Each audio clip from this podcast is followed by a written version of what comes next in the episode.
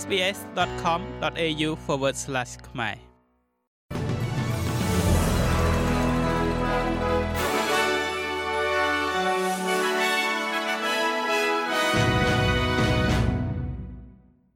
សូមស្វាគមន៍មកកាន់នេតិព័ត៌មានខ្លីៗរបស់ SPS ខ្មែរសម្រាប់ថ្ងៃអង្គារទី28ខែវិច្ឆិកាឆ្នាំ2023 អញ្ញាធរបានបើកការស្វែងរកបុគ្គលម្នាក់ដែលត្រូវបានដោះលែងពីការឃុំឃាំងអន្តោប្រវេសន៍គ្មានការកំណត់បន្ទាប់ពីពួកគេបដិសេធមិនព្រមពាក់ឧបករណ៍តាមដានអេឡិចត្រូនិក។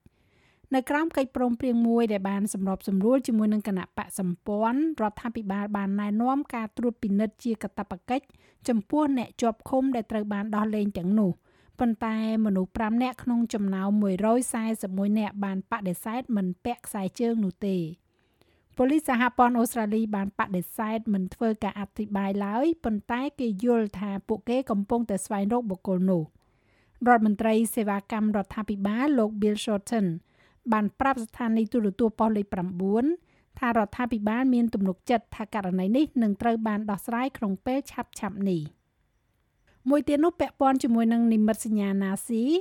ដែលនិមិត្តសញ្ញានៃការគោរពនិងការស្អប់ខ្ពើមរបស់ Nazi នឹងត្រូវបានហាមឃាត់ក្រោមច្បាប់ប្រឆាំងភេរវកម្មថ្មី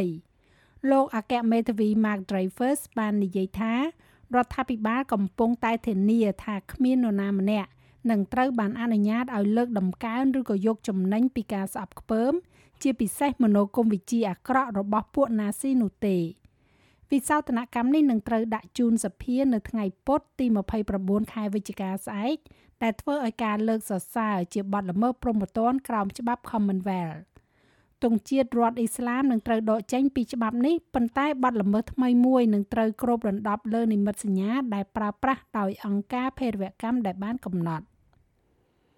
ចុងក្រោយនេះអ៊ីស្រាអែលនិងក្រុមហាម៉ាស់ឥឡូវបានបំពេញលក្ខខណ្ឌនៃកិច្ចព្រមព្រៀងដើមដំបូងរបស់ពួកគេ ក្នុងការដកដូរចំណាប់ខ្មាំង50នាក់នៅតំបន់កាហ្សាជាមួយនឹងជនជាតិប៉ាឡេស្ទីនដែលជាប់ឃុំនៅពន្ធនាគារអ៊ីស្រាអែលចំនួន150នាក់ដោយភាគីទាំងសងខាងបានយល់ព្រមបន្តបទផ្អាកបាញ់ជាបណ្ដោះអាសន្ននេះរយៈពេល2ថ្ងៃបន្ថែមទៀតនៅមន្ទីរពេទ្យកុមារ Danavik ក្នុងប្រទេសអ៊ីស្រាអែល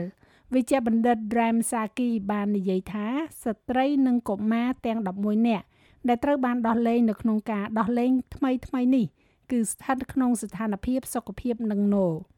ទោះបីជាយ៉ាងណាក៏ដោយ នៅខាងក្នុងកាហ្សាក្រសួងសុខាភិបាលដែលគ្រប់គ្រងដោយក្រុមហាម៉ាស់បាននិយាយថាគ្មានប្រេងឥន្ធនៈបានចូលមកដល់សម្រាប់ម៉ាស៊ីនភ្លើងនៅមន្ទីរពេទ្យនៅភូមិខាងជើងនៃទឹកដីនោះទេទោះបីជាមានបទឈប់បាញ់ក៏ដោយ។ អ្នកសម្របសម្រួលពិសេសរបស់អង្គការសហប្រជាជាតិសម្រាប់ដំណើរការសន្តិភាពមជ្ឈិមបូព៌ាលោក Thor Wennesland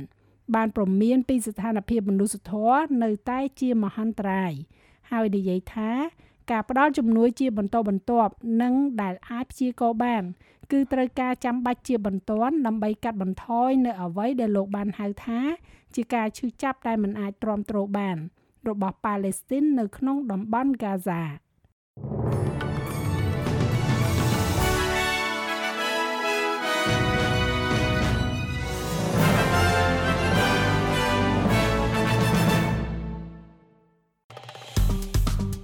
ចុច like share comment និង follow SPS ខ្មែរនៅលើ Facebook